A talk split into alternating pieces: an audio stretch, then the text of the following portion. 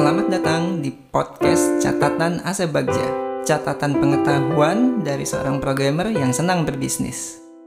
Ini adalah episode kedua di podcast Catatan Ase Bagja. Di episode kali ini saya akan membahas tentang setup peralatan podcast yang saya gunakan. Yang pertama wajib ada adalah mikrofon. Ya, karena gimana kita bisa merekam suara jika tidak menggunakan mikrofon. Di sini saya menggunakan mikrofon kondenser merek Samsung C01 karena harganya yang cukup terjangkau. Saya beli paket seharga 1,3 juta. Jadi itu ada mikrofonnya dan juga mendapat headphone SR850 merek Samsung juga di kisaran harga yang sama sebetulnya ada alternatif lain juga dengan harga yang sedikit lebih murah yaitu Behringer C1 mikrofon kondenser juga. Cuma mengapa saya memilih Samsung? Karena mikrofon ini memiliki sifat yang unidireksional, artinya dia menangkap suara hanya dari satu arah, dari depan saja. Sedangkan yang Behringer C1 saya baca spesifikasinya bersifat omnidireksional yang artinya dia akan menangkap suara dari sekeliling mikrofonnya. Mikrofon omnidireksional ini bagus jika kita bisa melakukan treatment pada ruangan tempat kita rekaman. Seperti misalnya melakukan soundproofing sehingga suara dari luar ruangan tidak masuk ke dalam dan juga um, bisa mengkondisikan ruangan sehingga tidak terlalu banyak echo atau reverb.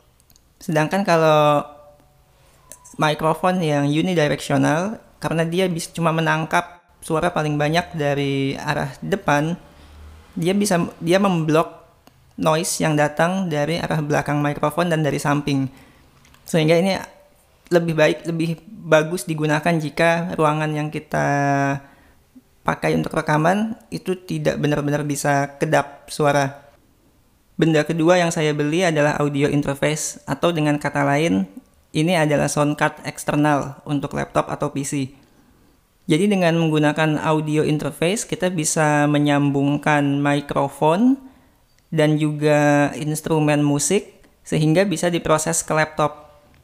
Kenapa kok tidak menggunakan sound card bawaan laptop saja? Karena ada banyak kekurangan dari sound card bawaan laptop seperti kualitas suara yang tidak sebaik menggunakan sound card khusus buat rekaman. Lalu yang kedua juga sound card bawaan laptop itu kekurangan konektor untuk menyambungkan mic seperti konektor XLR yang digunakan oleh mikrofon kondenser dan juga tidak ada colokan untuk instrumen musik. Merek yang saya gunakan untuk audio interface ini yaitu Focusrite tipe Scarlett Solo. Saya beli di Bali seharga 2.050.000. Tulisan di price listnya sih aslinya 2.500.000. Cuman kata tokonya ya ini diskon karena lagi masa pandemi. Hal ketiga yang perlu ada adalah software untuk merekam. Yang saya gunakan adalah Ableton Live. Kenapa saya pakai ini? Karena saya sudah terbiasa saja dengan antar mukanya. Saya sudah tahunan menggunakan Ableton Live karena saya memiliki hobi produksi musik. Menurut saya, kalau sekedar untuk podcasting, Ableton Live ini overkill. Kita bisa pakai alternatif lain, misalnya Audacity yang gratis, atau kalau yang menggunakan Macintosh, kita bisa juga menggunakan GarageBand. Hal keempat yang perlu ada yaitu laptop atau PC. Karena kalau tidak ada laptop atau PC ya kamu tidak bisa menyambungkan semua perangkat ini dan kita mau pakai apa. Untuk spesifikasinya tidak ada yang spesial, kita bisa menggunakan apa pun. Yang penting dia kuat buat menjalankan software rekaman dan pastinya ada colokan USB-nya dong buat masuk buat mencolokkan audio interface ke sana. Nah, itu saja perangkat yang saya gunakan untuk produksi podcast ini. Sebetulnya ada setup lain yang lebih murah kalau mau melakukan podcasting yaitu dengan merekam menggunakan handphone atau menggunakan laptop dan PC saja yaitu dengan menggunakan soundcard internal dan mikrofon internalnya.